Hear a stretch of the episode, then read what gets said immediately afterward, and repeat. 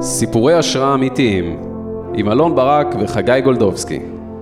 למרות שקשה לדמיין את זה, רק לפני 70 ומשהו שנה, יהלומים הפכו לסמל של רומנטיקה בכל רחבי העולם. וזה קרה בכלל בזכות אסטרטגיית שיווק מבריקה, שפיתחה בשנת 1947 סוכנות השיווק Ayer and Son, שקיבלה משימה מאתגרת מתאגיד היהלומים De Beers, המונופול הכי גדול בעולם. המשימה הייתה לדחוף ולהרים את המכירות של יהלומים ברחבי ארצות הברית. עד אז, יהלומים היו מוצר שהשתמשו בו עשירי העולם בלבד, אבל לתאגיד דה בירס זה לא עזר. הפתרון? להנדס סיפור חדש שיגרום לכל אדם בעולם להשקיע ולרכוש יהלום. אבל איך לעזאזל עושים את זה? פה זה נהיה ממש מעניין. הסוכנות פיתחה את הקמפיין האיקוני, A Diamond is Forever, שהוא by far בית ספר לשיווק, מיתוג, מכירות ופסיכולוגיה. אגב, המוח מאחורי הרעיון והסלוגן הייתה קופירייטרית בשם פרנסיס גרטי, שלמרבה האירוניה לעולם לא התחתנה בעצמה ומתה ערירית. פרנסיס קיבלה הארה באחד הלילות במשרד והביאה את הפיצוח שישנה את עולם השיווק לתמיד. Yes, ma'am. המחשבה מאחורי הסלוגן הייתה להתלבש על נרטיב של אירוע רומנטי הקושר בין בני אדם ולשייך אותו פסיכולוגית ליהלום. הם ממש יצרו קטגוריה חדשה דרך שיווק ו storytelling. אבל רגע, מה באמת היה הפיצוח אתם שואלים? טבעת אירוסין.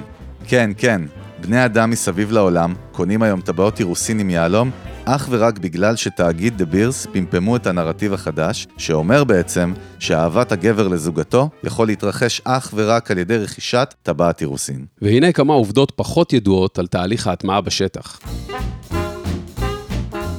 המהלך הפסיכולוגי הראשון היה להרים קמפיינים עם פוליטיקאים, משפיענים וסלבריטיז, לראשונה בהיסטוריה. המפורסמים תועדו עונדים יהלומים, מצטלמים עם יהלומים ושרים על יהלומים. שירה המפורסם של מרלין מונרו, Diamonds are a girl's best friend, שהיה אחד המצליחים בעולם, הונדס יחד עם תאגיד היהלומים מאחורי הקלעים. המטרה של מהלך המשפיענים הזה היה להתחיל להוריד את החיבור הרגשי למקום של הערצה וחיקוי. בנוסף, מערך היח"צ התחיל להזרים ידיעות רכילות קבועות לשימו לב, 125 עיתונים מובילים בארצות הברית, ואפילו יצרו איתם פינה הנקראת איזה יהלומים ענדו הסלבס השבוע. מהר מאוד האייטם הפך לאחד האייטמים הכי נקראים ומבוקשים בעיני הציבור. עוד מהלך מטורף? החברה ביצעה מחקרים שחשפו שכאשר נשים מעורבות בבחירת טבעת האירוסין יחד עם בן זוגן, הן נוטות לבחור טבעות זולות יותר, וזה לא טוב לעסקים. אז דה בירס התחילו לייצר עוד סיפור כלפי הגברים. תפתיעו את הנשים שלכם, וזה יקנה לכם נקודות זכות. עם תת מסרים שזאת תהיה פדיחה בעצם להביא אבן זולה לבת הזוג שלך. לא מטורף? לא הפתעה ולא נעליים. אפסל נטו למכירות. רוצים עוד מהלך הזוי? דה בירס נכנסו לתיכונים והעבירו הרצאות לבנות תיכון בבתי ספר בכל רחבי ארצות הברית במסווה של תוכן בסגנון איך תתכונני לחתונה, כאשר הסיפור העוטף דיבר על טבעות האירוסין, פסיכולוגיה של תוכן הרבה לפני נטפליקס.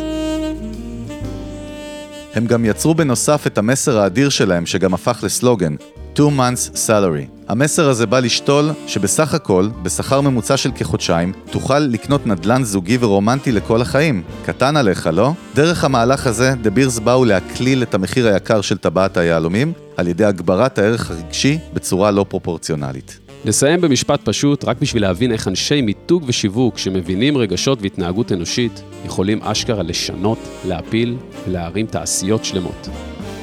בשנה שהקמפיין יצא, דה בירס מכרו יהלומים ב-23 מיליון דולר.